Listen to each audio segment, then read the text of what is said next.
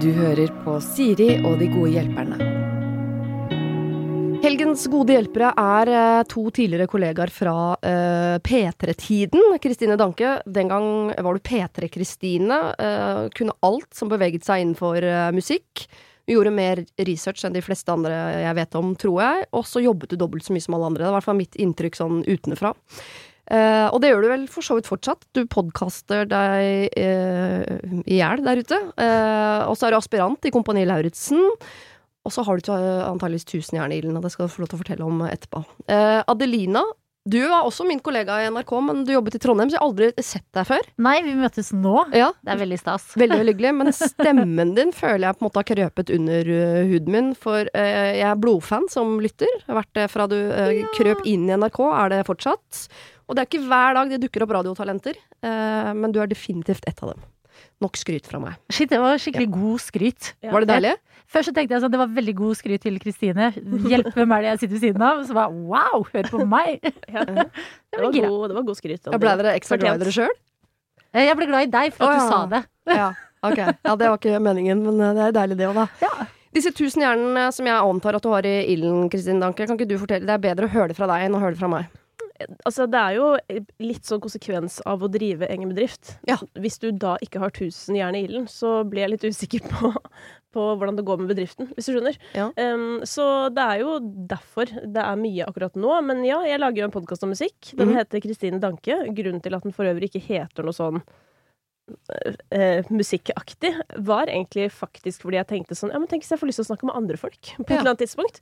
Eh, og hvis det bare heter navnet mitt, så kan jeg jo putte hva jeg vil i konseptet. Ja. Så det var strategisk valg. Ellers lager jeg jo podkast om angst, eh, litt sånn innimellom, som heter Noia. Og så produserer Ida med hjertet i hånden og holder på. Jeg hørte Ida med hjertet i hånden på vei inn til jobb i dag med Ja. Aksel Hennie. Ja, ikke sant? Ja, syns jeg Ida er god. Ja. Jeg syns Ida er bedre enn Aksel. Hvis det er lov å si. Det er jo eh, noen eh, som eh, ikke har så lyst til å liksom gå sånn privat, Ja, ja. hvis du skjønner. Men samtidig, jeg syns det er noe fint med å snakke med de menneskene også. eh, fordi at vi er alle forskjellige. Og det er fint å eh, speile også i gjestevalg, tenker jeg. Ja. Men du er, eh, du er jo en som elsker radio antageligvis like høyt som eh, meg, og også deg, Adelina. Er veldig glad i det, og spesielt fordi at det er så kort vei. Men derfor så elsker jo jeg også sosiale medier. Jeg lager jo like mye videoinnhold som jeg lager lydinnhold. Jeg tipper eh, en av grunnene til at du liker disse to tingene så godt, er for at det er ikke noen som kan komme inn og skal ha møter i forkant og etterkant og si sånn Vi må kutte setningen der, her skal det et komma inn, semikolon der, og så tar vi alt en gang til. Så sånn Nei, det skal vi ikke. Der er du inne på noe veldig viktig. Ja. Da er det jo rart at du ikke har klikka i Kompani Lauritzen allerede, fordi der får man jo beskjed om hvor komma i alle setningene skal være. Ja, men jeg har ikke det helt i meg å hisse meg opp over en voksen mann som på en måte har fått beskjed om å være streng. Nei. Eh, Jeg bruker kreftene mine, tror jeg, ganske effektivt. Mm. Ergo ikke på fenriken. Nei, du kjøpte ikke skuespillet hans. Nei. Adelina, eh, hvordan havnet du i radio, egentlig? Eh, Jeg hørte veldig mye på radio. Og så tenkte jeg eh, jeg vil også jobbe med radio. Jeg har alltid elsket radio. Særlig da jeg flytta til eh, England, hvor jeg studerte i tre år. Så ble liksom radio veldig nært for meg. At det var sånn, sånn jeg var på en måte fortsatt litt i Norge. Eh, og så studerte jeg jo journalistikk og internasjonale relasjoner. Og så var jeg liksom delt sånn her, herregud, hva skal jeg? Øh, Foreldre vil én ting, jeg vil en annen ting. Hjelp, jeg prøver. Ja. Og så Hva ville foreldrene dine at du skulle bli når du ble stor? da? Eh, jeg vet ikke helt hva de ville, men de var nå litt sånn hm, viktig å være flink på skolen, på en Ja. Sånn, bare bli noe. Ja. Syns de radio er noe, da, nå som du jobber der? Ja, det tror jeg de syns. Jeg tror de syns det var rart i starten. Mm. Eh, men eh, nei, noe har det blitt. Ja. I hvert fall takket være sånn P3-aksjonen og sånn. Ja. Da er det sånn herregud, se på datteren vår. Eh, får en masse penger til veldedighet. Vi er så stolte. Ja. Eh, men nei, det var egentlig bare Altså, jeg trodde ikke det, at jeg skulle det, egentlig. Eh, fordi jeg bare likte å lytte. Men så begynte jeg å jobbe med det, og det var eh, det beste i verden. Og så fikk jeg fortsette å jobbe med det. Er det det umiddelbare du også elsker, som eh, Kristina var? Ja, vet du hva, jeg, eh, jeg Lyd er noe av det liksom mest personlige, føler jeg. Sånn å høre på folk snakke til deg. Mm. eh, Det er så deilig å liksom få lov til å snakke til andre. Jeg elsker det. Det er det beste. Sånn ting som du holder på med, Kristine, er ikke så viktig for meg. Jeg Lyd syns det er flaut, jeg. Nei, jeg, jeg, jeg, jeg syns Dere må, dere må bare komme over kneika. Det er en kneik, og den må kommes over. Og når man tar påskeferie fra den, for eksempel, Ja. supervanskelig å komme tilbake. Ja. Ja. Så jeg tror jeg bare er for lat. Ja. At jeg er sånn hm, Jeg ser at dette er en god setting hvor jeg burde jobbe, men jeg kommer ikke til å gjøre det. Og så bare kommer jeg meg aldri over den kneika. Jeg tok faktisk et bilde på vei til jobb i dag av en skrift på veggen jeg syntes var morsom, og la ut på Instagram. Da følte jeg meg ekstremt produktiv, men jeg syntes det var flaut. Så ordentlig, ordentlig flaut. Sånn, nå prøver jeg, nå prøver jeg. Det syns at jeg prøver. Jeg har ikke lyst. Jeg vil bare sitte og snakke er inn i ørene til mennesker. Ja, men det er nettopp det. Og hver gang du da liksom eh, prøver, Ja. så, og du gjør det sjelden, så blir det en så stor greie. Eh, og ikke minst i ditt eget hode.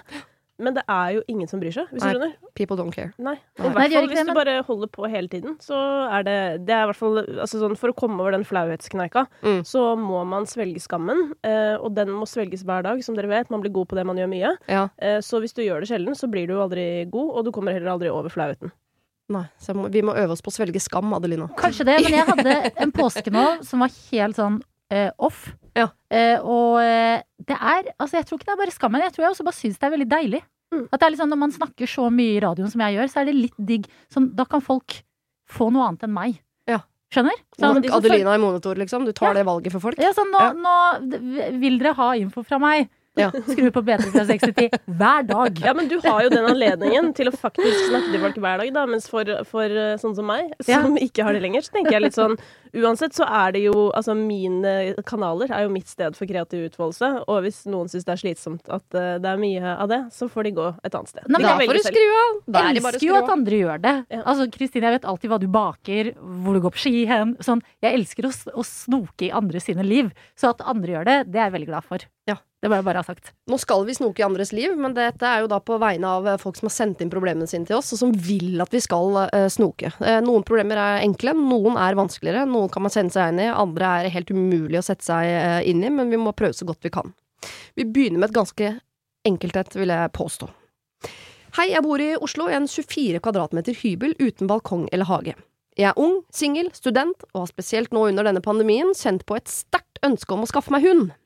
Eh, det jeg er veldig klar over, er at dette ikke er løsningen på lockdown-situasjonen, og at jeg rett og slett ikke egentlig har plass til en hund i en så liten leilighet. Så da er spørsmålet, fins det noe alternativ? Jeg har prøvd å melde meg som frivillig på Fodgården, men det ser ikke ut som de trenger mer hjelp. Og jeg har ikke mye erfaring med hund fra tidligere, så jeg kan ikke gå tur med andres hunder via de profesjonelle kanalene som finnes, apper og nettsider og sånn. Må jeg bare ta til takke med at jeg verken får vært i nærheten av eller har muligheten til å få meg min egen hund. Det som også hører med til historien, er at jeg har vært sykemeldt over eh, to år nå, som gjør at hverdagen min blir enda mer isolert enn om det bare hadde vært lockdown alene. Om en hund kunne hjulpet meg å bli frisk, eller kanskje friskere, så er jo det noe å tenke på. Med vennlig hilsen hundeløs sykemeldt hybeljente. Hun stiller ikke direkte helt konkrete spørsmål her, men hun, hun spør vel om om hun får lov av oss til å få seg hund på 24 kvadratmeter hybel, uten hage, skal vite. Det er det veldig få hybler som har. Eh, eller om det finnes andre løsninger for, eh, for henne, som er da hundeløs sykemeldt hybeljente i lockdown. Det er veldig godt navn. Mhm. Hundeløs hyb... Litt langt. Ja, litt langt. Ja. Jeg husker det ikke helt, men det klinger godt. Eh, jeg skjønner at hun spør om lov, eh, fordi hver gang du nevner litt for noen, sånn 'Å, jeg har lyst på hund, jeg', så snur hele rommet seg mot deg, ser deg dypt inn i øynene, og så sier de sånn 'Vet du hvor mye jobb det er?' Ja. At det er sånn herre, shit, sa du nettopp det? Er du sikker på at du vil gi opp hele livet ditt Mm. for å få deg en hund? Så blir man sånn he-he, nei, jeg bare, jeg bare tenkte det litt. Altså, ikke, mm, ikke tenk på meg, jeg bare går herfra. Altså, den, den reaksjonen man møtes med når man bare sier at man har tenkt litt på hund, Mm. den er intens. Ja, men når det er sagt, så er det også veldig mange som bare sier at de har tenkt på hund, uten at de egentlig har et oppriktig, eh, en oppriktig tanke om å få seg hund.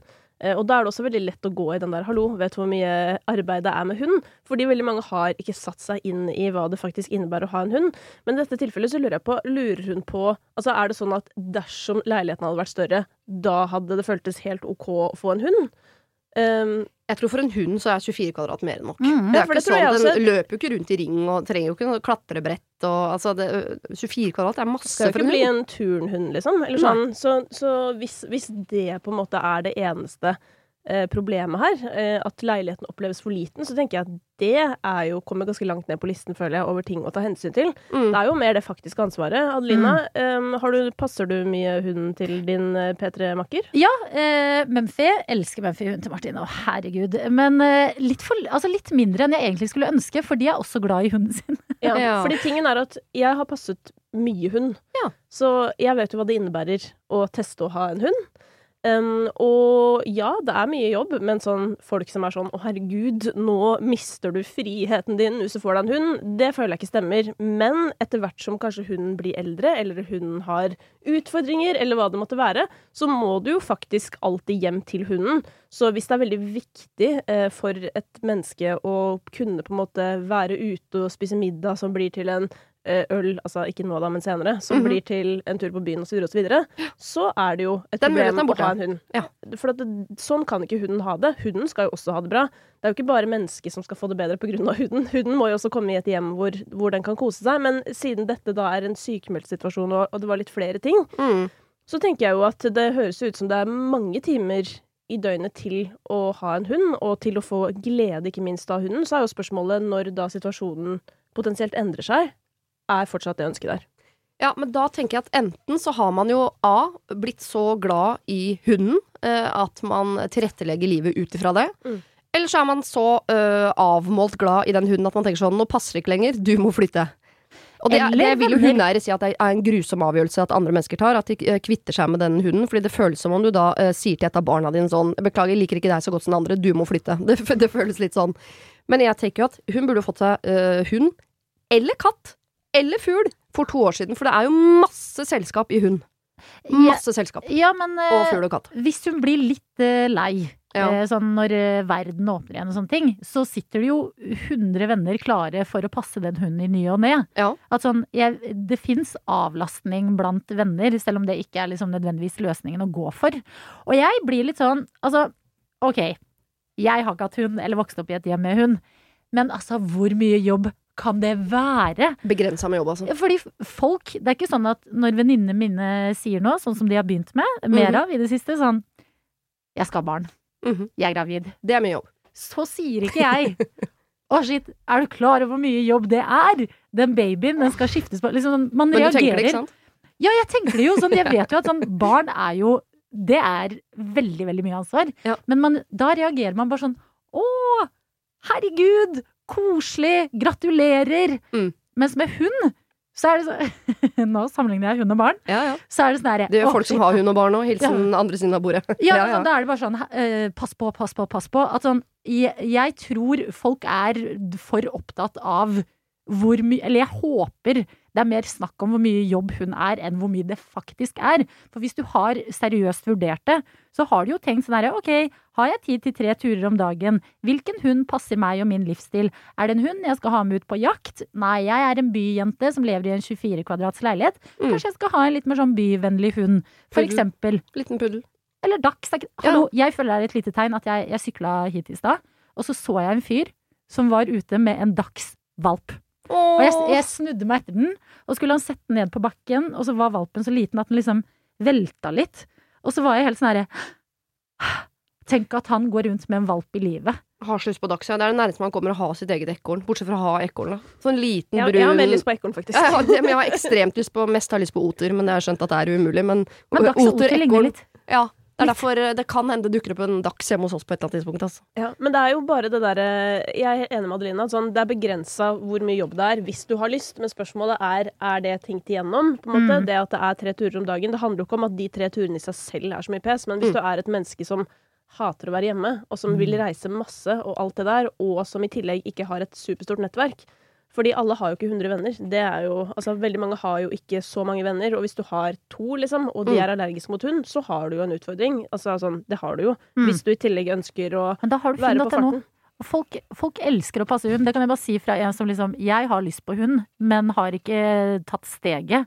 Og jeg elsker å passe hund, og er en god hundepasser. At man tenker sånn ja, du får sikkert bare noen random, så du kan ikke stole på de. Men jo, jeg tror, eh, jeg tror det alltid finnes passe løsninger, Og hvis du har lyst på hund, få deg Ja, eh, men hund! økonomi er jo også en ting her som jeg føler må i hensyn tas. For Ja. det, det koster penger.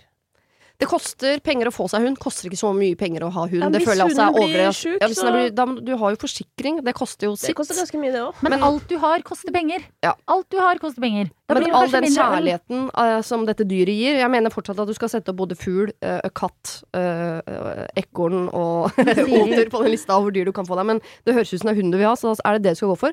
Du trenger ikke noen større hybel enn 24 kvadratmeter. Og for, til de som sier sånn du skal ikke skaffe deg hund bare for å liksom fluffe din egen ensomhet. Jo, det syns jeg er eh, god nok grunn til å skaffe seg hund. Det 100 er så mye kjærlighet dere kan gi til hverandre. Ja, og hvis du trenger, så sjekk ut Superhundene, hvis du fortsatt ikke har sett det programmet på NRK.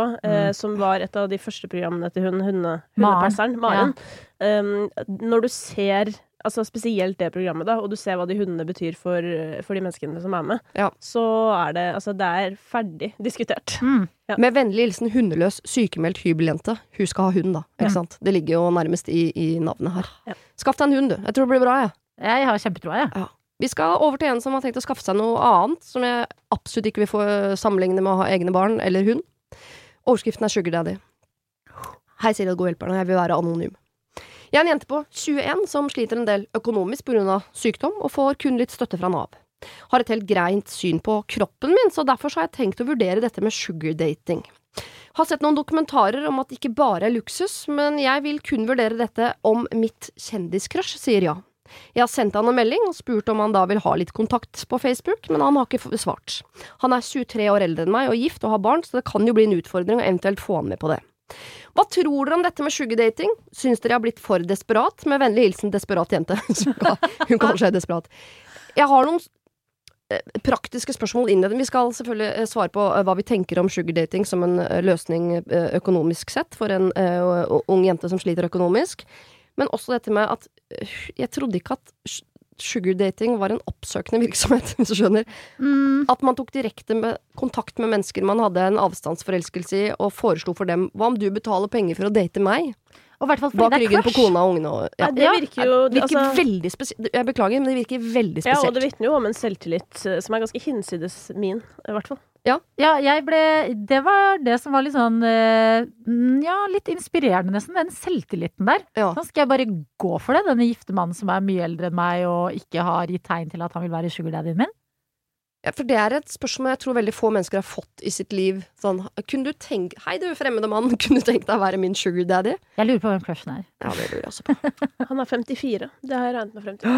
Så Ja. bare søk opp eh, er det, det må jo være en norsk Hvor gammel er kjendis. Dag Otto? 44, eller? 54? Eller nei, Hun er 40, 21, han er 23 år Ja, eldre. Ja, 44. 44. Mm. Det er jo uh, folk på min alder, omtrent. Menn på min alder. Det var ikke det det det, om. da er det du som må komme med svaret her. Ja, hvem er de? Hvem er de? Hvem er som er på min alder? Jeg, ofte når jeg sier hvem er som er på min alder, så tar jeg folk som er mye yngre enn meg. Så det Mm. sier noe Er det Morten Ramm, liksom? Nei, ja, det kan være Morten Ramm. Ja, La oss si det er eh, Morten Ramm eller Bernt Ja, Hulsker. Ja, Morten Ramm er 42. Hæ? Morten Ramm er 42. Ja, det er ikke han heller. Men Men ok, det er sikkert en i den gjengen. Ok. Eh, Men ta for dere eh, det med sugardating, da. Jente 21, ok, greit syn på kroppen, lite penger. Jeg skjønner ikke hva Skal syn på kroppen har med sugardating å gjøre. Jeg tenker at den, det er en asset hun kan selge, da. Ja, Sant? sånn, Fordi den er ganske fin. Så- Ja, nei, altså Jeg er jo generelt litt imot salg av kropp i den forstand. eh, Så jeg tenker jo at det fins veldig mange enklere måter å tjene penger på enn sugardating. I hvert fall hvis du selv skal drive den oppsøkende virksomheten, for da må du jo jobbe uansett. En ting hadde vært hvis du fikk et, en DM i innboksen din med sånn Hei, eh, er du med på Jeg vet da faen hva man betaler for å sugardate, jeg. Ja, 10 000 per date, liksom. Jeg gir for å deg 10 000 sitte for å gå på restaurant med ja, meg for å sitte ved siden av meg og være pen, liksom.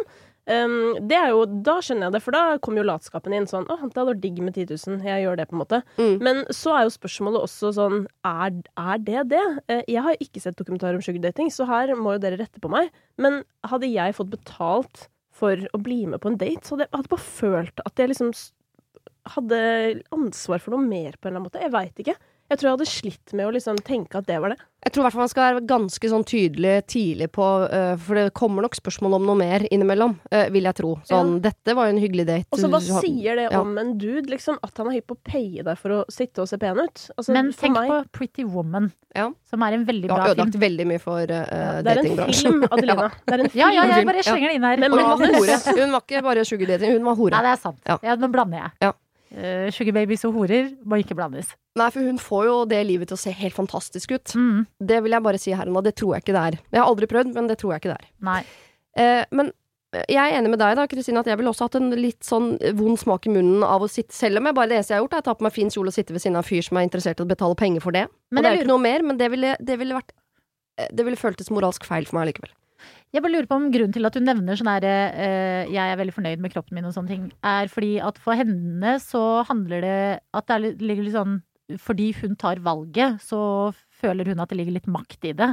Bare prøver å se det fra den andre siden. Det er Nei, jeg tror lett mer hun tenker at jeg er nok en potensiell kandidat for å få meg en sugardate eh, fordi jeg ser såpass bra ut. Men da tenker jeg sånn, da finnes det jo nettsider for sugardating. Ja. Som, eh, hvor det er mange som eh, vil ha sugar babies. Mhm. eh, mens det du som har sendt inn, virker det som, lurer på er Kan jeg sende en crush til Nei, en DM til crushen min, Ja, eller gjort. ikke? Han sa ikke svart. Å ja, hun har Hun, gjort det? hun har gjort det, ja. Ok. Det er jo, altså, jeg blir veldig nysgjerrig på dette mennesket. For det, det, jeg må bare si at jeg synes det, det er altså, noe av det rareste jeg har hørt. Altså, ha, har du faktisk sendt en melding til en du crusher på, og spurt om vedkommende er hypp på å betale for deg? Altså, Mm. hva? Hæ?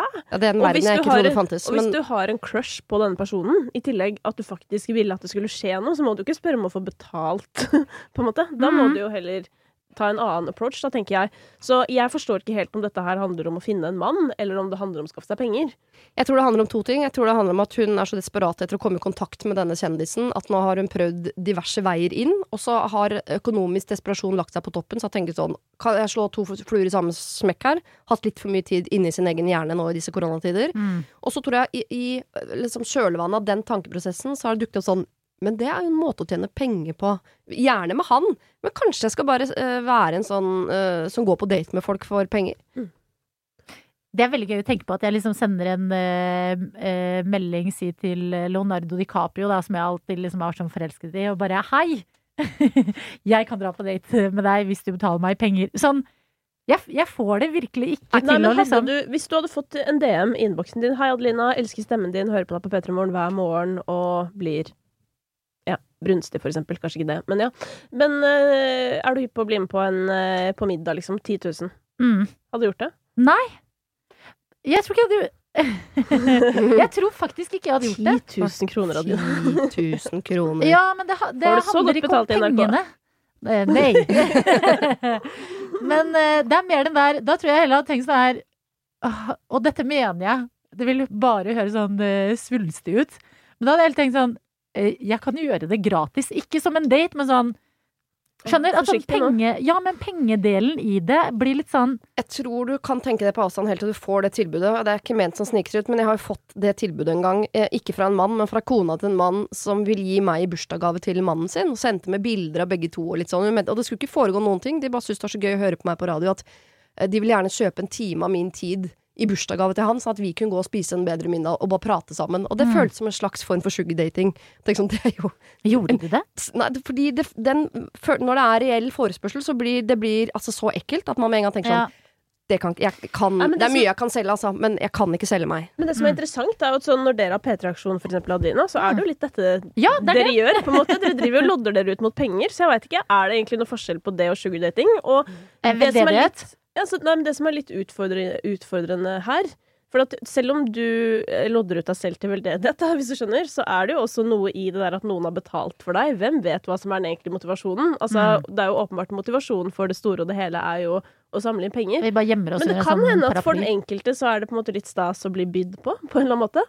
Ja, det er jo ikke det å bli bydd på personlig på aksjonen, da. Der er det jo eh, bli Trump eller bli Lisbeth Saland. Sånn, jeg har aldri Ja, gått men det er ut. også masse sånne andre aksjoner som er sånn by på denne personen, eller kom på tacokveld til noen og sånn. Ja, det er det. Ja, eller som Nytt på Nytt gjør hvert eneste år også. Det lodder jo ut en plass i Nytt på Nytt eh, Ja. hvor du får være der som gjest. Det er jo Man kan åpenbart jo- ikke det samme, men jeg bare føler at vi er liksom tre veldig politisk korrekte mennesker her. Som Ja. er sånn der, nei, sugar dating, nei, det skal ikke vi holde på med. Ja, Det bare... og det hadde jeg tenkt å si, for hvis anonym desperat jente ikke har noen moralske kvaler med å selge seg ut til å gå på date, få 10 000 kroner for å sitte i fin kjole ved siden av en fyr som er interessert i å betale for det, så det sånn, ja, men hvis ikke du syns det er noe betenkelighet med det, så gjør du selvfølgelig det. Det er jo en, eh, tror jeg, lovlig virksomhet å drive med, men du skal være veldig tydelig på hvor grensen din går.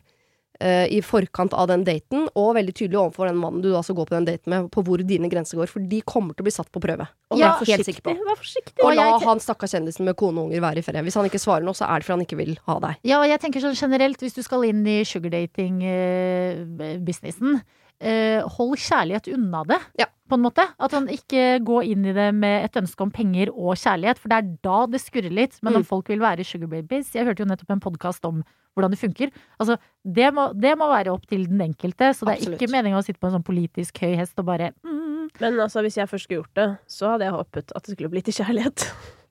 Ja, men det er fordi du har sett Pretty Woman, du også. Ja. absolutt. Ja, ja. Ikke kyss på leppene. Det er mitt eneste konkrete råd der.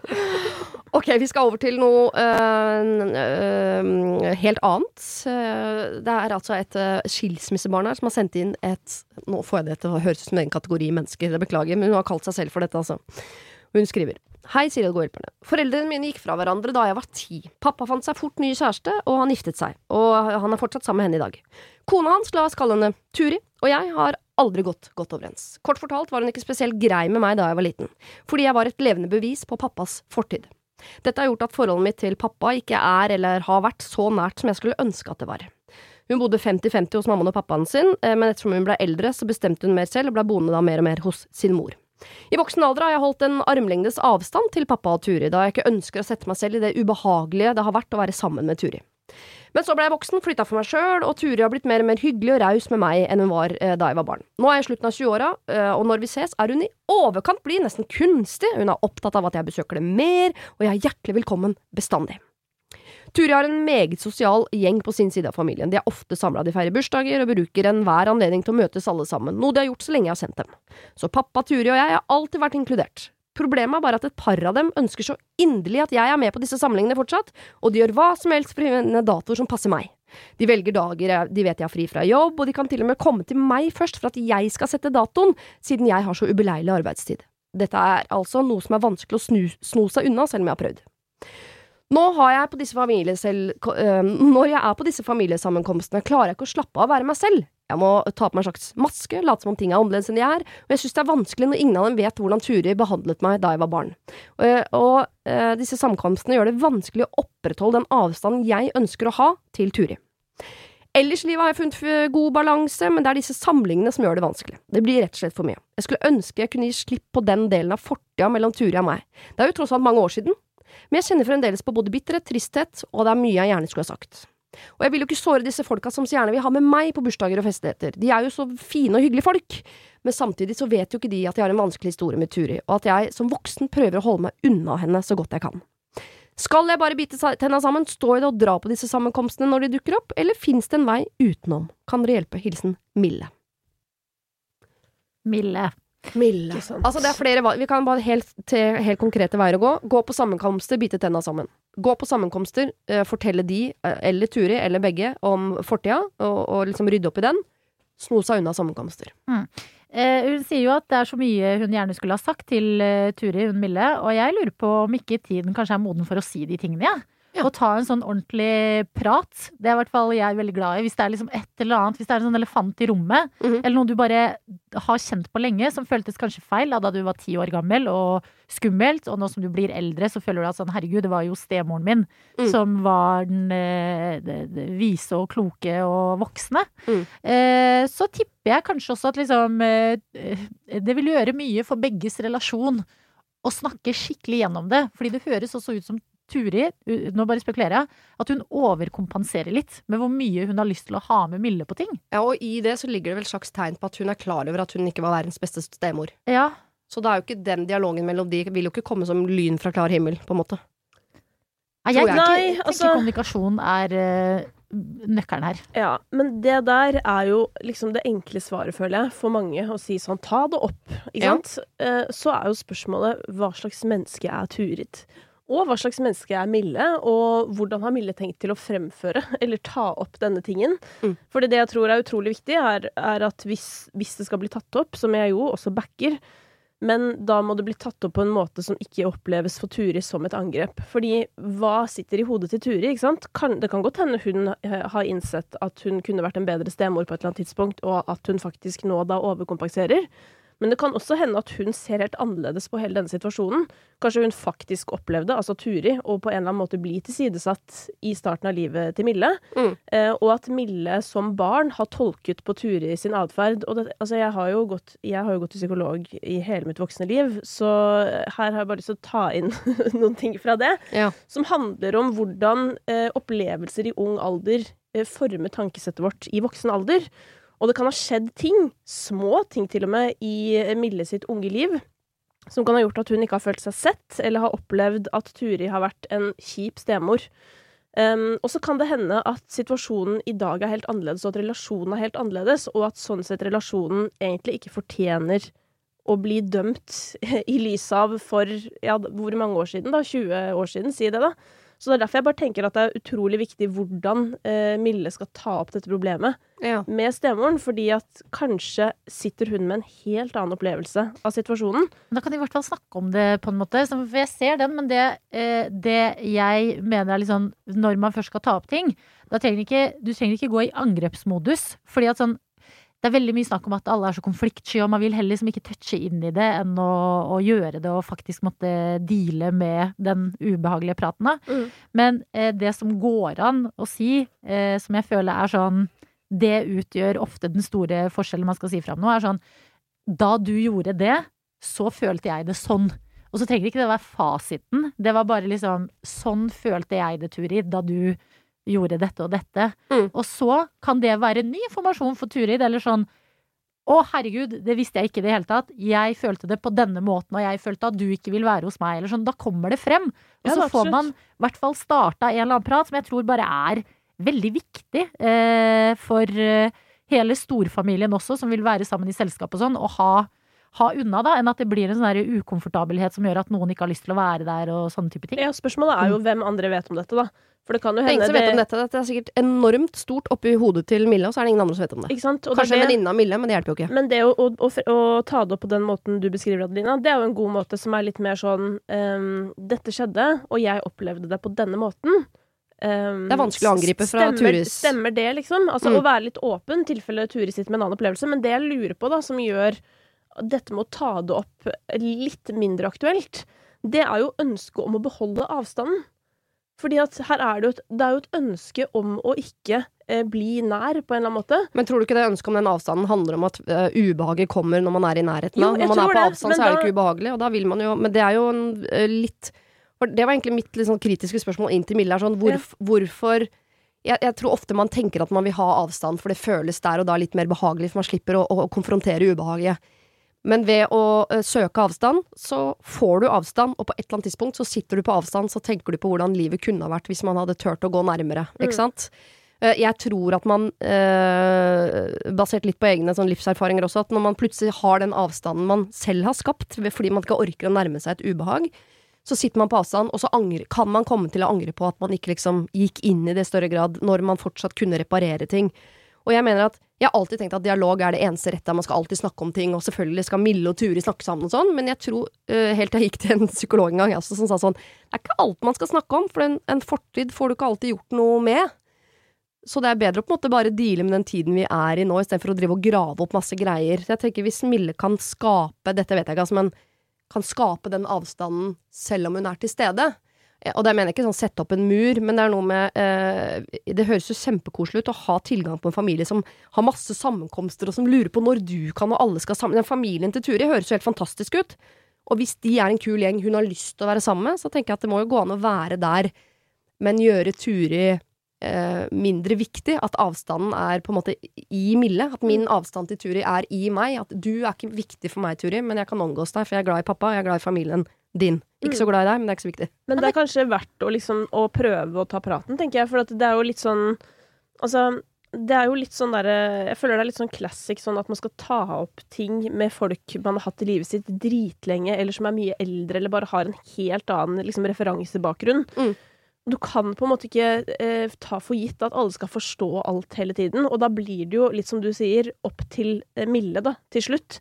At sånn derre Jeg syns hun skal prøve å ta det opp på en eller annen måte først, men hvis hun tar det opp og ikke blir tilfreds med løsningen, eller hva jeg skal si, så er det jo fortsatt da et alternativ å velge å ha Ture i livet sitt. Bare sånn OK, jeg, du kan godt være der jeg er.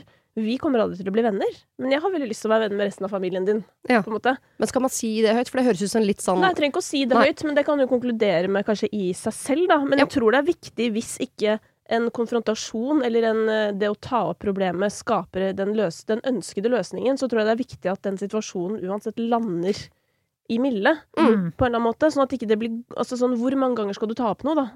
Det hjelper jo ikke å gå og gnage på dette i all evighet heller. Men jeg tenker også at eh, eh, ikke undervurdere Turid heller. Eh, Mille, faktisk. Sånn, ja, det er viktig at det skal kjennes riktig og bra ut i magen, men noen ganger så må det også kjennes litt eh, skummelt ut i magen for å bare komme litt fremover. Og sånn, nå vet ikke jeg om hele situasjonen deres, men eh, Turid var liksom Høres ut som litt sånn kjip eh, stemor for Mille helt i starten. Mm. Og det kan hende det også var utrolig uvant for Turid, da. Å Jeg tror det er plutselig vanskelig å være stemor stemor. òg, uten at eh, det, man skal alltid synes mer synd på barna enn de voksne. Men det var nok 100%. vanskelig på Turi òg. Men det er det at man liksom bare har kommet dårlig ut fra start av, og så har det gått mange år nå, og så føler de på det på hver sin kant. Om de bare kan liksom prøve jeg tror, Selv om det er ukomfortabelt, er det bare verdt et forsøk. da, Å prøve å ta det opp på en eller annen måte som føles riktig og føles eh, ærlig Mm. eh, overfor eh, Turid. Og så vil kanskje hun komme noe tilbake. Men kan vi møtes på en slags øh, gyllen midt her, som er øh, absolutt ta den praten, men ikke gå inn i den praten med et håp om at øh, fortiden skal forandre seg, eller at Turi skal forandre seg, for det, har jeg, det tror jeg ikke skjer. Men kanskje din opplevelse av fortiden kan forandre seg noe ved at Turi får fortelle sin side av saken. Ja. Og så kan jo framtida bli annerledes ved at de to kommer nærmere, ved å få avklart en del ting, da. Ja, jeg vil også bare si til Mille da, at den her eh, følelsen av å måtte ta på seg en maske, den Mm. er det jo òg viktig å jobbe med. Ja. For at det, det kan Altså, det er begrenset hvor lenge man kan gå med maske uten at eh, kroppen reagerer, tror jeg. Mm. Så der vil jeg også bare oppfordre til at vet du hva, det tror jeg ikke du trenger. Fordi at hvis, Kanskje det går an å sette ord på det også. Kanskje hun kan si noe om det til Turi. At vet du hva, når jeg er rundt deg eller dere, eller hva det er, så føler jeg at jeg må være en annen enn den jeg egentlig er. Mm. Og hun kommer Altså, det Mille kan tenke på da, hvordan hadde du reagert hvis noen hadde sagt det til deg? Du hadde mest sannsynlig bare 'herregud, vær deg selv, jeg Ja. tar deg imot med åpne armer'. Eh, alle vil jo bare at alle skal være seg selv, og det er jo først da vi også kan møtes på ekte og bli glad i hverandre. Så kanskje det, det maskegreiene, kanskje også er en av grunnene til at hun og Turi faktisk ikke møtes på en autentisk måte. Og så er det bedre at du tar tak i det nå, mens du fortsatt på en måte klarer å holde maska litt, enn at du skal ta den dagen det rakner. For på et eller annet tidspunkt, i en eller annen sammenkomst, i en eller annen rødvinsfyll, så kommer det til å klikke for deg. Og den praten blir nødvendigvis ikke så god. Så hvis du kan klare å ta den nå, så er det jo veldig, veldig fint. Jeg tenker også, bare jeg har lyst til å slenge inn en ting. Altså, eh, det å ta opp kan jo være, om ikke det endrer resultatet, så kan det være veldig viktig for bare Mille sin selvfølelse. Ja. Å vite at sånn, vet du hva, i en relasjon som ikke er optimal, så har i hvert fall jeg gjort det jeg kunne. Mm. Eh, og det er en veldig god følelse og en veldig god trening å ta med seg i livet. Sånn, ok, denne relasjonen er ikke sånn jeg skulle ønske den var, eh, men jeg kan ikke få gjort noe mer. Og den følelsen Jeg har prøvd. liksom- du har prøvd, hvis du eh, innser på en liksom real talk nå i eldre alder enn det dere var, da Mm. dere måtte ut i denne uforventa situasjonen her. Og så er det jo uh, teit å slenge sånn avslutningsvis, men jeg mener jo at pappaen her også kan komme på banen. Jeg håper jo du er et sted hvor du kan snakke med pappaen din om ting, som er på en måte egentlig liksom den bindeleddet mellom deg og Ture. Så du kan jo prøve å få pappaen din også på banen her på en eller annen måte. Uh, dette blir litt vanskelig, Mille, men jeg tror du klarer det. Det blir ubehagelig. Det kan bli veldig, veldig deilig på andre siden. Ja. Ok. Uh, Metime har uh, dette problemet som overskrift. Det tror jeg vel de aller fleste Eller nei, vet du hva? Jeg tror veldig mange tenker at det har jeg for mye av for tiden.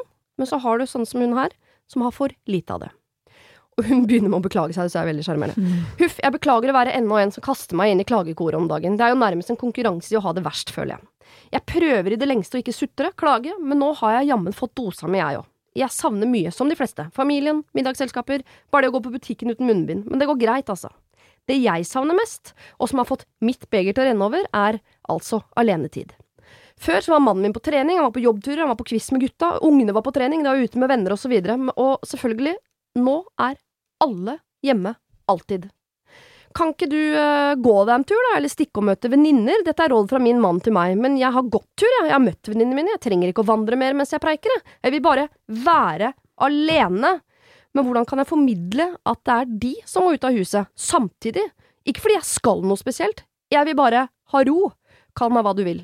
Og da har jeg valgt å kalle henne Mm. Gro, fordi det rimer på ro. Altså, Gro eller ro? jeg kan faktisk relatere. Jeg er Gro! jeg er ikke Gro. Jeg er et sted eh, litt under Gro, hvis du skjønner. Ja. Men eh, jeg, kan- jeg syns det var ganske deilig å høre Det er litt sånn annerledes klagekor, da, på en måte. Ja. jeg likte, altså, men eh, jeg har jo løsningen. Ja. Eh, det vil si, jeg har jo ikke barn. Det skal jo også sies. Og det er jo et, det er jo et med barna. eh, det er, jo, det er jo et eh, problem i denne konstellasjonen. Og det er jo at både jeg og Adelina kan ikke helt relatere til sånn familiesituasjoner og barn og sånn som skal ha Men akkurat mann kan jo jeg relatere til. Ja. Um, get the fuck out. Dra i skogen alene. Legg deg i et telt. Der er det ingen. Men, ja, Masse eh, alenetid. Men du er en type som tør å være alene i skogen og sikkert overnatte der og, Ja, men det og fins det altså Det fins det metoder for å fikse. Ja. Å komme dit. Ok, for jeg eh, Da vil jeg komme inn fra sidelinjen. Kan, Jeg, og gå tur alene. Herregud. ja, fordi at eh, jeg har jo heller ikke barn, og eh, ikke kjæreste. Bor alene. eh, og På 24 kvadratmeter har lyst på hund, eller? 36 og har lyst på hund. det er mulig det var jeg Det som er sendte det problemet. Men, eh, nei, men det som har vært litt viktig, på en måte eh, Jeg kan ikke relatere selvfølgelig til Du savner ikke alenetid om dagen? Eh, jeg velger alenetid når jeg kjenner at jeg har behov for det. Ja. Og det gjør jeg gjennom ting, eller måter jeg har valgt å gjøre det på. Sånn som for eksempel, jeg flytta til Oslo for ett år siden. Rett inn i ny jobb. Rett inn i ny by. Rutiner helt snudd på hodet. Jeg følte liksom at sånn, jeg har ikke hodet over vann i det hele tatt. Nei. Jeg må bare finne en eller annen ting som gjør at jeg på en måte får alenetid og slapper litt av og eh, er bare inni mitt eget hode. Og hvis jeg vil tenke på noe, så tenker jeg på noe. Hvis jeg ikke vil tenke på noe som helst, så hører jeg på musikk, og så gjør jeg det. Ja. Og det for meg er, og det er veldig eh, ekkelt og irriterende, men det er løping. Å, jeg var forberedt på yoga, det har vært mye verre for meg å takle, faktisk. Nei, Men greit. Jeg har blitt veldig glad i etter, liksom, eh, etter korona eh, å løpe. Bare fordi at det er et sånt vindu som er bare mitt. Eh, jeg gjør det kun for meg selv. Eh, jeg eh, trives med det når jeg gjør det, og jeg velger å gjøre det. Ja. Eh, og det blir kanskje litt sånn som skogen er for deg, da, Kristine, som er noe du har valgt selv. Det gir deg ro, du liksom kan tenke på alt og ingenting. For meg er det løping. For Gro er det kanskje noe helt annet. Men å velge en eller annen sånn ting som er din egen, som du kan gjøre litt sånn til en rutine, Mm. som blir ditt eget lille vindu, uansett hvordan livene våre måtte være, eller hva den tingen skulle være. Men å prøve å ha en sånn her 'dette gjør jeg fordi jeg liker det, og det gir meg så mye', og finne liksom gleden i noe du kan gjøre litt ofte, som Mm. ikke krever at du må plutselig liksom på hytta med venninner en helg, eller masse sånn planlegging, men som er sånn quick fix, eller sånn raskt ut, raskt på med skoa, ok, løpe, eller gjør noe annet. Ja, for å gå ut Jeg, kjenner meg veldig igjen i Gro, så eh, behovet for alenetid dekkes ikke ved å være ute med venninner. Det er jo for søren ikke alenetid. Det er jo en annen hane som kakler. Det er måte bare å bytte ut en hane med fire høner hjelper jo Mm. ikke hvis eh, problemet er eh, eh, stort nok. Men forskjellen på å Gro her og det å løpe eller gå i skogen og sånn, at, eh, mitt inntrykk er at hun vil at mannen og barna skal ut i skogen og ut og løpe og sånn, sånn at hun bare kan eh, jeg dette har dere sikkert ikke kjent på, for det dukker opp etter man får barn. Det der behovet for å bare være i sitt eget hus, og så er det helt stille der. Det er Altså- ingen som vil ha en brødskive eller eh, vann, eller som, eh, som ro, lurer på noe, eller Altså, det er ikke jeg, jeg har akkurat dette behovet. Jeg vil bare være inne i huset mitt. Skal ikke gjøre noe der. Altså, jeg, har Det skal bare være 100 jeg har det behovet sjøl. Altså, jeg har jo en mann som pleide å være på turné innimellom. Ja. Uh, og da få en langhelg aleine hjemme, lage det jeg selv vil ha til middag, uh, til bare meg. Eller du vet, bare loke og rote, da, i mitt tilfelle, for jeg er rotete og får mye kjeft for det hjemme. Uh, og bare liksom se på det jeg vil se på, sitte og liksom strikke og se på noe helt idiotisk på TV som jeg ikke engang ser på, men det bare er der, så jeg føler at jeg gjør to ting samtidig. Altså, det er helt nydelig, og nå er den Det er liksom helt er borte. borte. Så jeg har òg måttet endre eh, metoder for å få alenetid. Mm. Og det er sånn um, Og jeg er jo også, som du sa innledningsvis, jeg er veldig glad i å jobbe. Og det er også noe jeg har behov for. Jeg har egentlig sånn gulltid alene på kvelden, hvor ideene kommer strømmende ut. Men når Ja. det er noen rundt meg hele tiden, så skjer ikke det på samme måte, da. Så Men kan du da be mannen din om å Nei, det er det. Man kan stikke. ikke stikke? be de Jo, hvorfor kan man ikke det? Nei, men fordi at det føler nei, hvis, altså Dersom eh, mannen min hadde hatt noe å holde på med, holdt jeg på å si, uh, ute, løping for eksempel. Men for meg er jo altså for det første løping en helt sinnssyk ting å like, uh, og veldig imponerende. Ja, veldig imponerende. Men uh, for meg tenker jeg at det er altfor kort. Ja. Det er et altfor kort vindu. Det er en veldig deilig timeout, på en måte, men sånn det hadde ikke tilfredsstilt mitt behov for alenetid, for det er jo jævlig slitsomt, så jeg klarer ikke å tenke på noe når jeg løper uansett, fordi jeg er jo Men, dårlig men for det er deg og løping. Men er du ikke enig i at sånn, din egen ting, som du velger Jo, sånn, jo, men jeg bare er tenker at det må løping, kanskje men- være lenge nok til at For det er noe med det der å, å få tid til å også liksom glede seg til at familien kommer tilbake på en eller annen måte. At det der glede seg til personen Å, faen, nå savner jeg faktisk å smøre den brødskiva til Kan man ikke min. eller- sende familien ut i skogen, da? Det beste for Gro hadde jo vært om eh, en mannen til Gro og de to barna fikk en helt sånn sinnssyk hobby som handla om sånn Vi driver med basehopping på, i Vinstra. Det var sånn yes!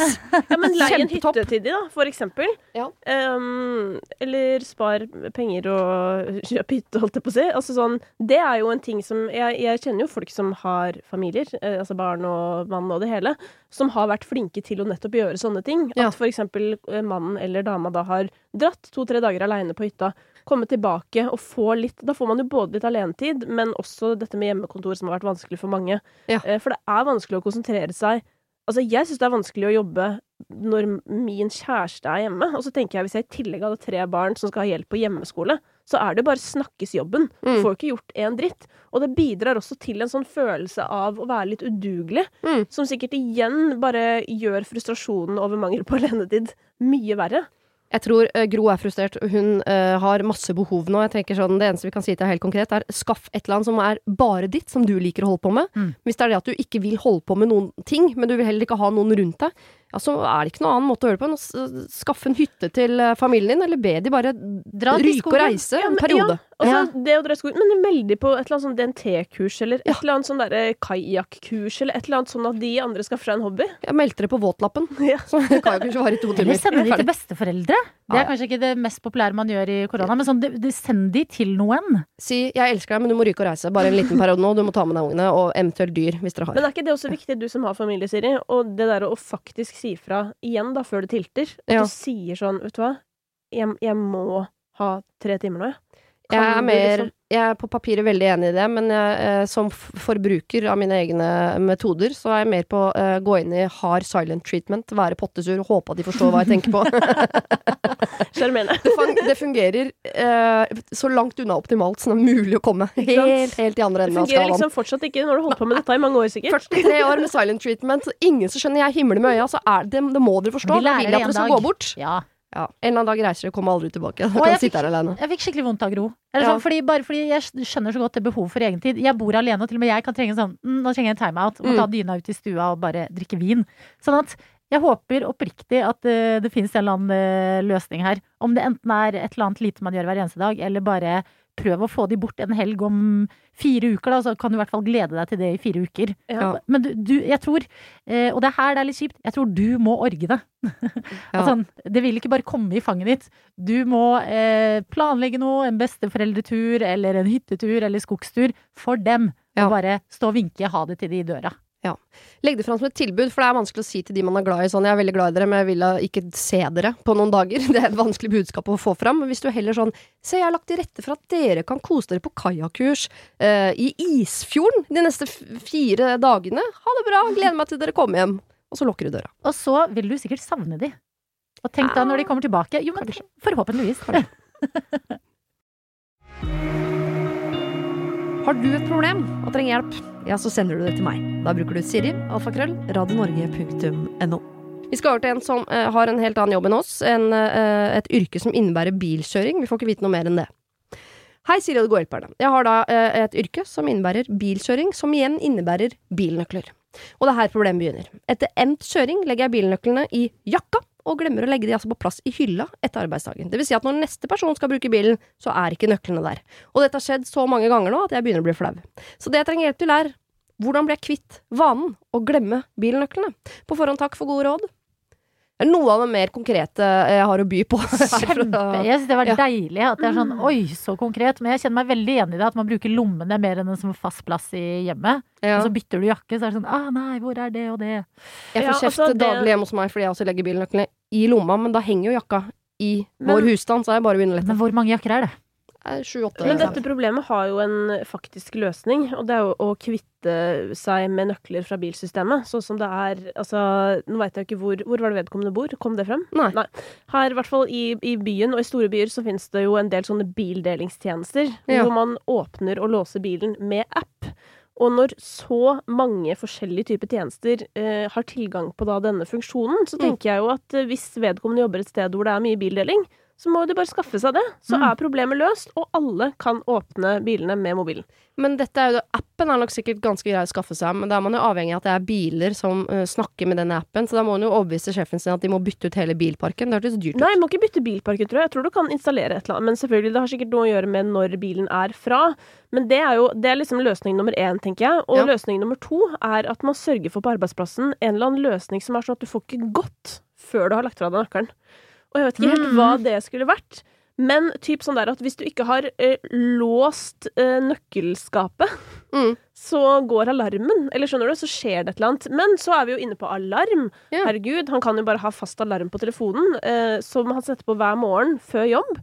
Så hvis han slutter på jobb klokka fem, for eksempel, så Ja. klokka fem på fem, så er det sånn drrr, ringer det. Husk å legge fra deg nøkkelen. Mm. Eh, eller så kan han legge inn en sjokoladebit Jeg synes det er veldig fint at du sier han hele tiden om en jente. Det er utrolig Å, er det en dame? Uh, ja, ja, ja. Jeg er en jente som jobber i et yrke som innebærer bilsykkel. ja, Jeg bare nevner det. Er- Nei, hør Ja. på hjernene våre. Vi Ja, ja. hører bil og tenker Ja. menn. Ja. Jeg er flau. Unnskyld. Samme her. Ja, hun. Kan ta en uh, Twist, for eksempel, eller annen valgfri sjokolade, og Ja. legge i den hylleplassen. Eh, at, at hun skifter annenhver gang nøkler og Twist. Skjønner? At for å utløse Twisten må nøklene på plass. Ja, ja. Og så er legger du tissen her og tar nøklene. Ja, legg hvert sånn fall den, bikkjeoppdragelse. ja, den tingen du digger mest, eller sånn en ting du må ha. Eller liksom sånn medisinene dine, for eksempel, hvis du går på det. Altså, Medisin, det er du helt avhengig av. Det glemmer du ikke. Nei. Et eller Men altså, der hvor bilnøklene skal ligge, så legger du for eksempel da, eh, la oss si at kokos, hvis det er din favoritttvist, den legger du der, sånn at den kan du hente når du leverer bilnøklene. Nettopp! Det er ikke så dumt, hvis ikke da sjefen er med på det der vi må anskaffe oss noe uh, Sjefer elsker Twist! Hallo, er det én ting sjefer elsker, så er det Twist. Det vet vi jo. Og det er også veldig koronavennlig, for det er innpakket godteri. ja. Og så kan du begynne med det, og så blir det en vane etter hvert. At da kan, kan du bytte ut kanskje Det er jo ikke Eller vet du hva, en sjokoladebit litt hver eneste dag gjør jo ingenting, men hvis du vil liksom bytte det ut, eller ikke trenger sjokolade mer, så Mm. er i hvert fall vanen inne. Er det ikke tre uker det tar uh, å endre en vane? Det er det Jo, de jeg sier, tror det, men de sier jeg har ikke trua på det. Men det sier de også at det tar tre uker å bli kvitt søtsuget, som er for meg eh, noe av det mest provoserende. eh, For det tar ikke tre uker å lobotomere meg. Det kan hende at det fysiske su- Nei, for du har prøvd det i 43 år, ikke sant? Jeg har prøvd det i 43 år, og det kan hende at jeg sånn fysiologisk så mister jeg på en måte eh, den uh, suget etter søtsaker.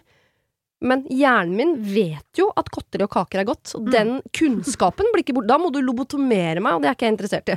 Nei, men det er, handler også om å velge bort lykke. Hvis det gjør deg lykkelig, så er det sånn kost-nytte, rask kost-nytte-analyse over det der.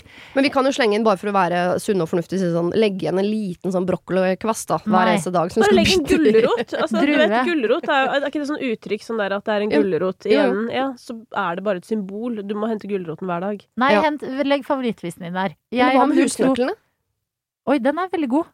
Mm. Ja, for det er jo sånn som faktisk når du skal trene når du for eksempel da, på hotell, så må du for å få nøkkel til treningsstudio, holdt jeg på å si, så må du legge igjen en personlig eiendel ofte, eller et eller annet Ja. sånt. Ja. Ja. God Legger igjen løsning. noe personlig. Men, jeg, for det, Sinnssykt kjipt når du da har dratt hjem, eh, og du har ikke nøkkelen til huset ditt plutselig, da. ja, men det gjør du ikke så mange ganger. Nei, det er sant? sant. For da er straffa så vond. Ja. Ja. Ja. Ja, der er vi inne på noe. Noe må inn i den hylla. Det er en sånn bra sånn. Pavlovs hunder-opplæring. Ja. Legge igjen noe i den hylla som du er avhengig av. Om det er en uh, gulrot, helt sånn konkret gulrot, eller gulrot i overført betydning som uh, twist, for eksempel. Eller noe som gjør ordentlig litt sånn vondt hvis du ikke bytter tilbake til, som dine egne husnøkler, for eksempel, som er irriterende når du kommer hjem og prøver å sette bilnøkkelen i, i inngangsdøra. Mm. Det, altså, jeg trodde ikke vi skulle klare å komme fram til noe så konkret, selv om jeg synes jo sånn for å være up to date, så syns jeg det app-greiene dine er jo det beste systemet, Kristina. Ja. men det er mer sånn til sjefen. sjefen. eneste du trenger, det er strøm på mobilen. Ja. Så da er vi over på neste problem. Send inn! Hvorfor dropper flere gutter enn jenter ut av skolen? Hvorfor begås 70% av alle selvmord av gutter og menn? Og hvorfor blir færre gutter og menn diagnostisert med psykiske lidelser? Ikke fordi de ikke har problemer, men fordi de ikke ber om hjelp. Vi må snakke om gutta. Dere, vi skal over til et uh, problem som er uh, innsendt til Mental Helse Ungdom. Og så sender de det videre til oss. Fordi der de er ofte i snakk med menn. Det er ikke Siri og de gode hjelperne så mye. Uh, fordi menn, eller gutter, sender ikke inn problemene sine til oss. De tenker at dette dealer jeg med sjøl, og så er de ikke egentlig så gode på det, for å være helt ærlig. Så nå prøver vi da å oppdra mannen der ute til at det er lov å be om hjelp ved å ta et, eh, ikke et gutteproblem, men et problem fra en gutt hver eneste uke. Hallo, Siri og eh, de gode hjelperne. Du, nå har jeg fått inn et problem som jeg tror veldig mange kan kjenne seg igjen i. Eh, han skriver følgende. Hei, jeg er en mann på 33 år. Jeg har et problem.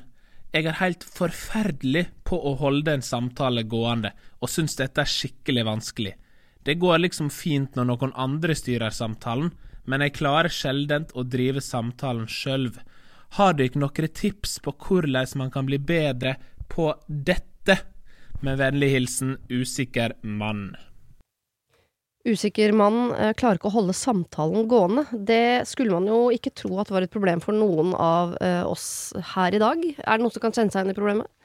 Eh, på en dårlig dag, absolutt, vil jeg si. Det er eh, altså sånn hvis jeg er sliten, eh, og, og hvis jeg er i en periode hvor jeg er engstelig, for eksempel, eller det har hopa seg litt opp, så er jeg ekstremt dårlig på det. Og det handler jo om at eh, Eller det har jeg jo lært, da. At det handler jo rett og slett om rent, ren fysiologi i hjernen. At hjernen ikke fungerer optimalt. Ja. Så jeg klarer ikke å følge samtalen eller kanskje, eller konsentrere meg ordentlig, eller den type ting. Da. Så jeg syns ikke det Jeg synes jo ikke Altså, jeg håper ikke denne mannen føler seg unormal eh, fordi vedkommende syns det er vanskelig å holde en samtale gående. Fordi det tror jeg det er sinnssykt mange som syns er vanskelig.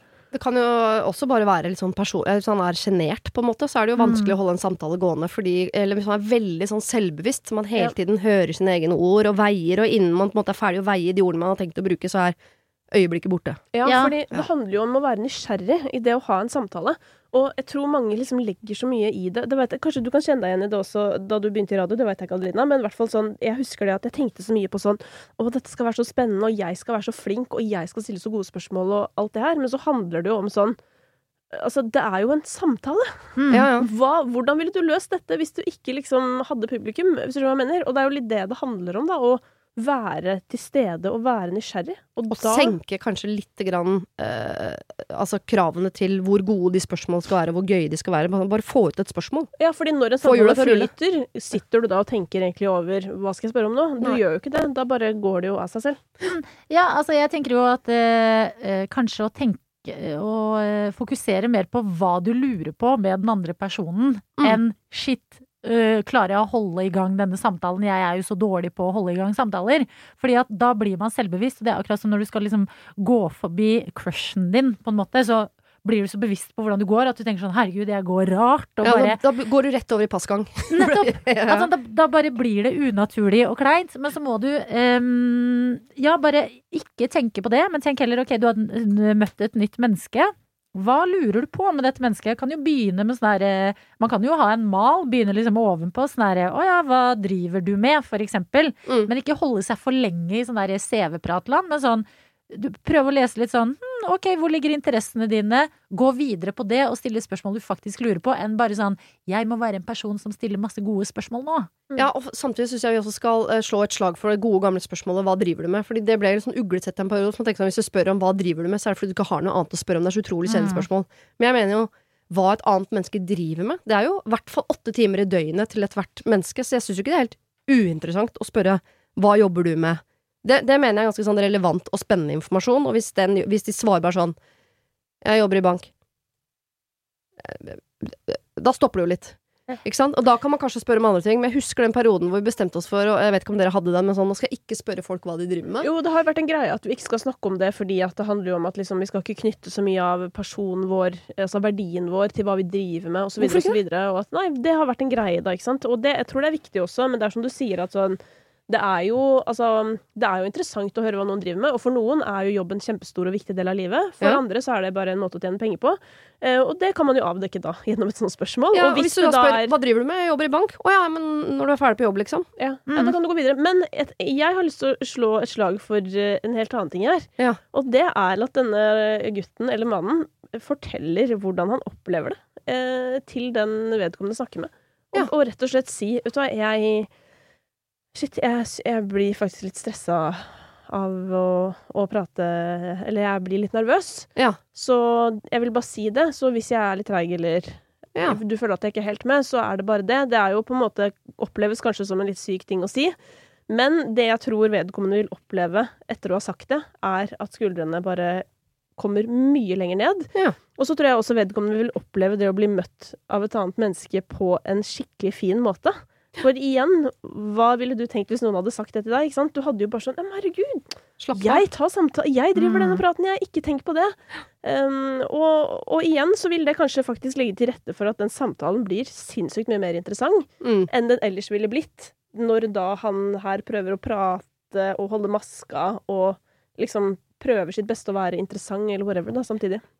En ting er jo sånn eh, profesjonelt på jobb og sånn, så er det vel ingen av oss som har sånn store problemer med å stille spørsmål, men uh, jeg vet ikke hvor mye du dater for tiden, Adelina. Nå er det jo ikke lov å treffe noen omtrent, men eh, er du da i, på en date, for eksempel, da, første gang du treffer et annet menneske, Ja. er du like på en måte flink til å stille spørsmål der som når du intervjuer en eller annen på morgenen? Um, jeg er nok eh, Jeg er flink til å stille spørsmål, ja. Fordi jeg Ja. lurer jo på ting om eh, denne fyren. Jeg har uh, d- satt Adeline meg er på jakt, liksom. Nei, nei, men sånn, jeg vil jo vite sånn Hva kan du by på? Åpenbart ting om Ja. deg, og i hvert fall nå. Jeg har lastet ned Tinder nå, skjønner dere. Og da vet man ikke så mye om folk på forhånd, så når du møter dem, da, så da må du bli litt eh, Stille noen spørsmål. Men eh, jeg er helt annen i datinga Ja. enn jeg er på jobb, og det er veldig viktig for meg at uh, uh, Men jeg dater også forstår. Altså, jeg vil ikke være en prat... Altså, jobb, jobbdelen min er prat. Mm. Og så kan jeg godt liksom, kan det gå litt rolig og være litt stille eh, privat. Mm Eh, og det er litt deilig. At man ikke liksom stresser, eller at det ikke er forventninger til at jeg skal holde en samtale gående alltid, fordi det driver jo jeg med. Mm. Hvis det gir mening. At sånn Ja, for det er jo ikke alltid Hvis to mennesker sitter på en date, og det ene mennesket er den som er mest komfortabel med å drifte en samtale, komme hjem fra daten, og det mennesket har snakket 95% av tiden, så vil jeg ikke si at det er fordi du fikk det til, og ikke den andre. For Mm. du har jo ikke fått til en dialog, du har fått til en monolog. Gratulerer med det. Men det er jo, hvis man er to stykker, som virker som denne eh, gutten her vil, holde en samtale, så skal jo begge snakke like mye. Og da må man jo være like flink til å, å snakke som man er flink til å holde kjeft. Ja, 100% Jeg tror det er bare å eh, være flink til å stille spørsmål som Ja. du faktisk lurer på. Ja. Og det er da øh, Da vil på en måte Da har jeg veldig troa på at samtalen vil flyte, og ikke bli så selvbevisst. Og det er derfor jeg blir litt sånn Det er egentlig en veldig god ting. Altså ærlighet er jo egentlig alltid best. Men sånn da sier du også høyt noe som du kanskje vil en eh, Hva heter det sånn eh, Noe du vil etterleve. Sånn 'Å ja, du, jeg er ikke så god på samtaler'. Så, så sier du høyt til deg selv at du ikke er så god på samtaler, istedenfor å bare tenke på det andre mennesket og hva du lurer på med det andre mennesket, for eksempel. Skjønner du hvor jeg vil hen? Selv om jeg er veldig sånn jeg bare tenker at Hvis det blir en så stor del av hele opplevelsen din, at du bare sitter og tenker på sånn 'Å nei, jeg suger, jeg suger, jeg suger', jeg suger, jeg suger så tenker jeg bare sånn Vet du hva, bare si 'jeg er nervøs', jeg. Ja. Ta, ro deg ned, liksom. Og så For at det er noe med å Det som ofte er når man er veldig nervøs i samtaler, er Mm. at eh, Og i hvert fall det her kjenner jeg meg inn i, er at du, du ender opp med å prate veldig mye selv. Ja. Og, Ja. og du Og du betyr ikke at du slipper er ikke til den andre, fordi at du er så nervøs for hva som skal skje hvis ikke du tar ansvar for samtalene. Så er derfor jeg bare er litt tilhenger av å bare få det ut der. Du er litt stressa. Men kan man si det da på litt sånn tull? Ja, selvfølgelig sånn- på tull. Ja, sånn bare Kanskje ha litt tull på det. Sånn derre ja, he-he, jeg er kongen av small talk, eller et eller annet sånt. Bare på en eller annen måte få anerkjent det uten at det blir en sånn derre jeg mot meg-episode av Peder Kjøs, liksom. For da tror jeg den samtalen kan bli enda uh, hardere, hvis det er et nytt menneske da, som de ikke har snakket så mye med.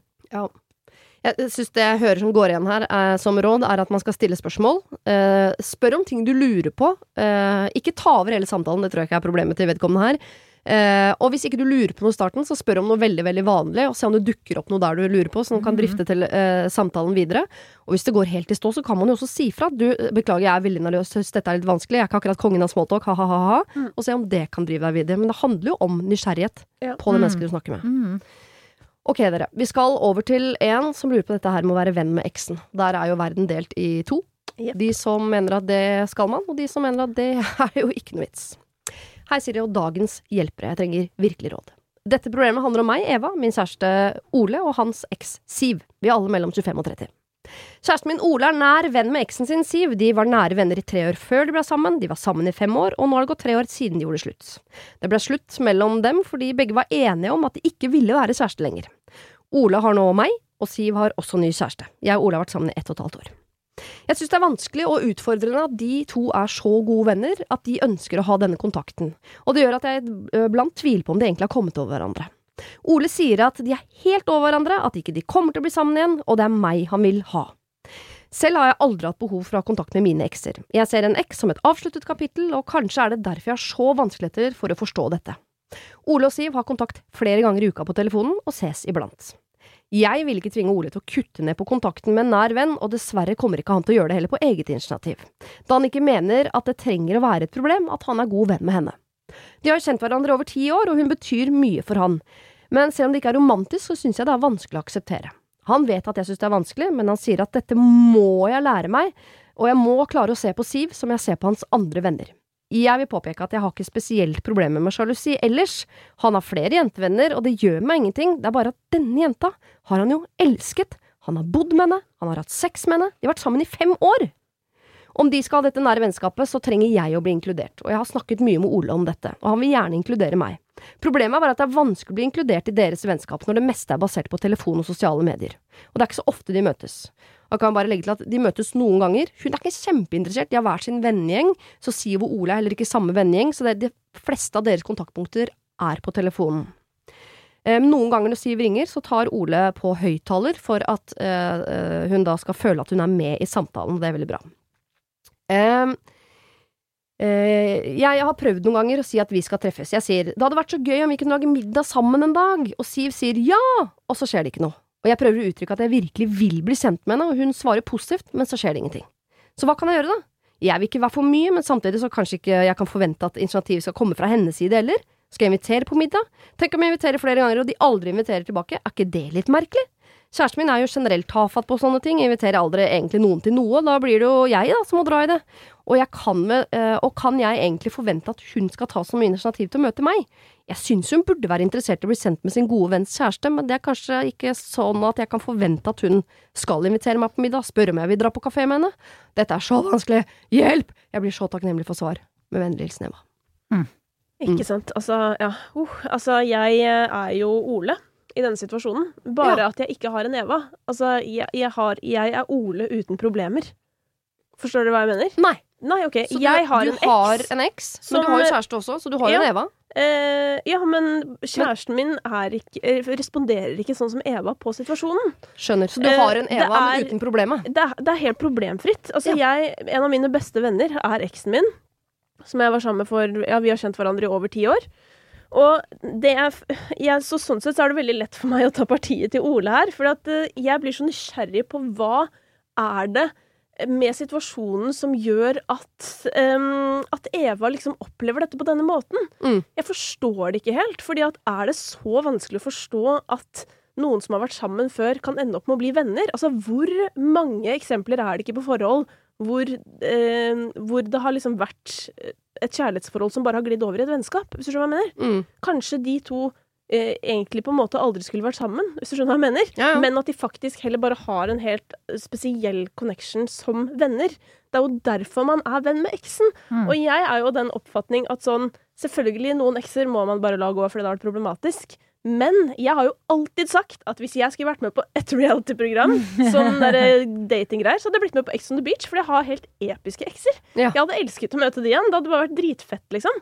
Ja. Jeg, jeg skjønner ikke Jeg syns det heller er bare skikkelig trist å tenke på at noen mennesker som har vært så nær meg, de som har kjent meg best og støtta meg mest gjennom livet, skal de bare bli borte, liksom?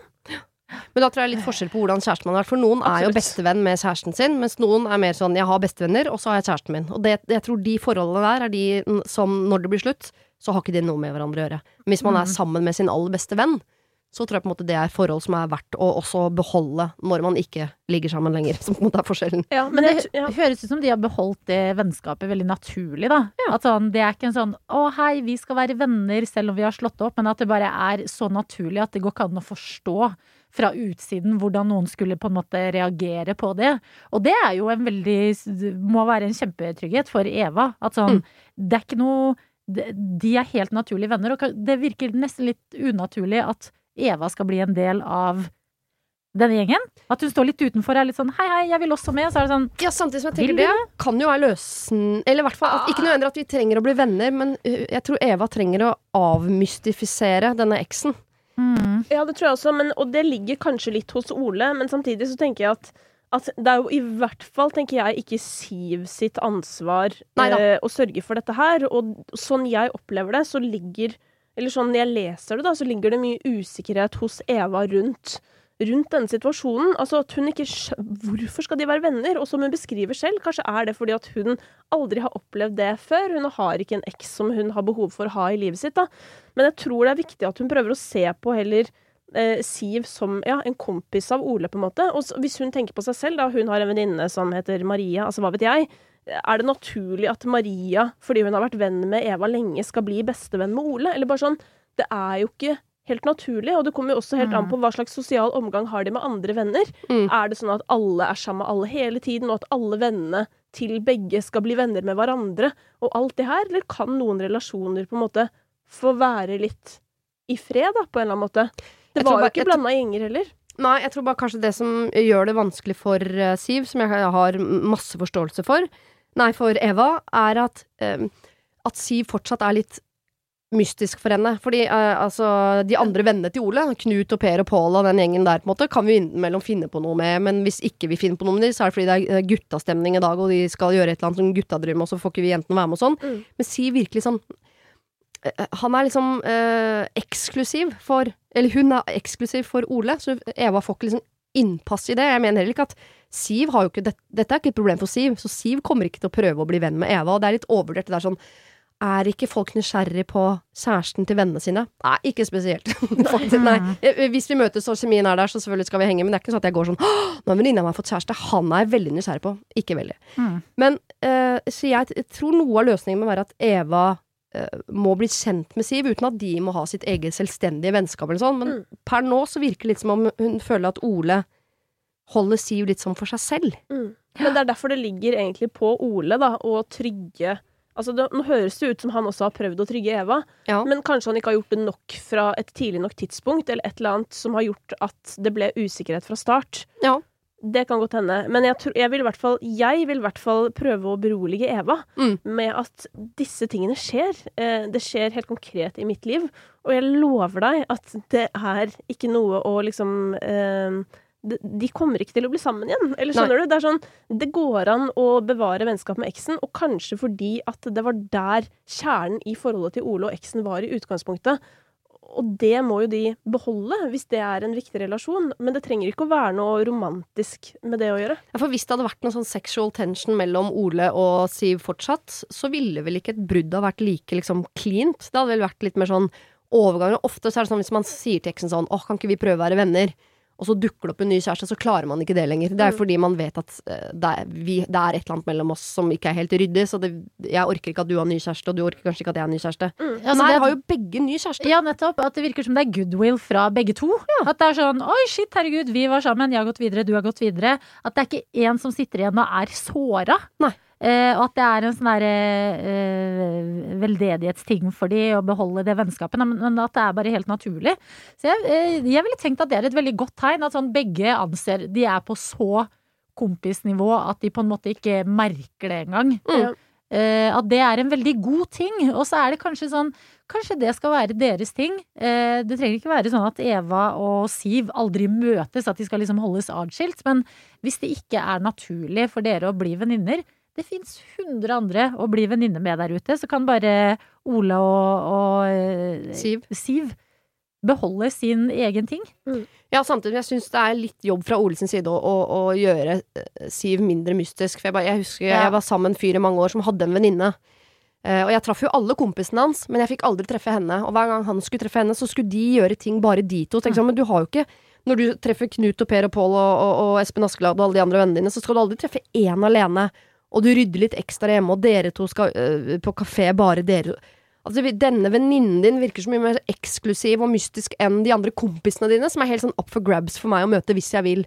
Og det, der kommer skepsisen din. Så jeg kan skjønne Hvis Ole oppfører seg sånn Skal ut og treffe gutta, og så er det sånn I dag skal jeg treffe Siv. Og så har han tatt på seg finskjorta og ekstra kolonn, liksom. Så. Nei, Men at hun bare legger noe i det. Jeg har jo en eh, bestevenn som er eh, eh, Som alle eh, gutter som vi har datet, har trodd at vi to har en greie. Ja. Og det er sånn Jeg får på en måte ikke sagt nok. At sånn nei, nei, vi to er bare veldig gode venner. Eh, og så prøver man liksom å ta de med inn og bare se, her er Bli venner. Og så bare så er det liksom ikke kjemi. Kanskje Nei. fordi man, de er helt forskjellige, egentlig, men at det er bare en sånn herre Jeg må bare vite hvem denne vennen din er. Og da er det på en måte ikke vits i å henge mer i framtida heller. Nei. Sånn at eh, å være eh, Den derre å avmystifisere litt også, det er litt sånn du må nesten også bare stole på at Ole er sånn Dette er ingenting. Vi er venner. Punktum finale. Ja. At sånn Ja, Ole har en liten jobb å gjøre med å bare vise sånn helt oppriktig Se hvordan vi snakker sammen. Du skjønner at det er deg Men det gjør han jo. Han setter henne på spiker, for eksempel. Kjempegodt tegn. Ja, det er jo også bare Ja. veldig Altså, jeg blir litt Dette føles sikkert veldig som tough love for Eva her, men jeg blir jo litt skeptisk til Altså, hvorfor skal han sette henne på høyttaler? Det, er jo, det må jo være tillit nok i forholdet til at han kan snakke med Siv uten å ha henne på høyttaler, på en måte. Hva hjelper det? Mm. Jeg skjønner ikke det helt. Men eh, noe er det jo som skurrer her. Men jeg tenker kanskje at at uh, i Eva kanskje må bestemme seg for å liksom stole på dette, Mm. eller ikke stole på det. Eh, og hvis hun ikke klarer å hvile i det, så kan ikke han slå opp med vennen sin. Liksom. Det går ikke. Så de må jo bare finne en løsning. Så den letteste løsningen er jo at Eva velger å stole på det Ole sier, Mm. og bli trygg i seg selv. Og så kan sikkert Ole hjelpe til i det her, så jeg tenker at Eva, du kan invitere på middag, men uten at du tenker at det skal følges opp, og det er starten på et fantastisk vennskap og sånn. Men det er jo noe med selvfølgelig å få lov til å treffe Jeg er nysgjerrig på kollegaene til mannen min. Jeg er nysgjerrig på Man vil jo på en måte bare vite hva uh, deres liv er, uten at jeg, jeg skal ikke nødvendigvis inn i alle kriker og kroker av hans liv, men å, å, å få se folk, treffe folk, så en eller annen parmiddag kan vel Eva invitere på. Ja, det burde gå. Jeg tenkte nei, jeg. Hvorfor ikke? Jeg bare tenkte sånn, fordi at eh, det er åpenbart noen usikkerheter Eva prosjiserer på hele den situasjonen her. En middag Det blir kleint. må, må av alle parmiddager må det være akkurat Siv, på en måte. Stikk på curling eller Ja, gjør gjør noe noe gøy, da. lettere. Ta Ja, ja. en øl når det er lov, eller ta en kaffe ute eller et eller annet. Og Ja. så bare kjenn på det. Og så hvis dere har grunnlag for at dere også skal ha en relasjon, Mm. konge, kjør på med det. Hvis dere merker at sånn, å ja, her er det egentlig bare Siv og Ole som er venner, holdt jeg på å si, Mm. da fortsetter det. Og så har dere møtt hverandre alle sammen, og så kan dere gå videre i livet. Unnskyld, altså, Eva. Jeg, bare, jeg, jeg tror alle her mener at Jeg skjønner at det er vanskelig, men du må bare Du må akseptere det. Du må velge å stole på det. Du kan godt treffe henne. Ikke ha forventninger om at hun skal ta initiativet. Ikke ha forventninger til at dere skal bli bestevenner. Kanskje faktisk et godt tegn hvis dere ikke blir det, for det betyr at han, de han er kjæreste med og de han er venner med, det er to forskjellige typer jenter. Det er egentlig bare bra. Eh, Og så må du på e- finne en eller annen ro inna. Det kan godt hende at den bare kommer med tida. Eh, Det kan jeg si som fortidssjalu selv. På et eller annet tidspunkt så føle at du har vunnet over alle eksene, og da forsvinner det. Mm. For meg var det for barn, men det skal jeg ikke, det skal jeg ikke presse på deg, Eva, på noen som helst måte. Det var de problemene vi rakk eh, her i dag. Tusen, tusen takk, eh, Kristine og Adelina, for at dere vil komme og være mine to gode hjelpere. Takk for at vi fikk komme. Det, var- vet du hva? Eh, Jeg føler problemene har liksom lært meg ting også. Du skjønner at man blir sånn hm, hvordan ville jeg reagert i Ja, denne fordi jeg kommer til å gå hjem med litt sånn dårlig samvittighet. For eller skjønner du? Eller litt sånn der å, shit. Det føles på en måte for mye ansvar. Ja, å gi råd, på en eller annen måte. Men, eh, men det er som du sier, det å snakke om det. eh, Vi ble forhåpentligvis klokere, og vi skal definitivt slutte å tro at alle som kjører bil, er menn etter dette. 100 ja. Om vi har lært noe, så er det i hvert fall det. Og husk at i eh, gode råd er gode råd. Dårlige råd er også gode råd. For når man får dårlige råd, så tenker man sånn Det skal jeg ikke gjøre. Se der, så vet man hva man skal. Det, det. Det var det. Husk å sende ditt problem til siri at radionorge.no om du vil ha hjelp. Denne podkasten er produsert av Klynge for Bauer.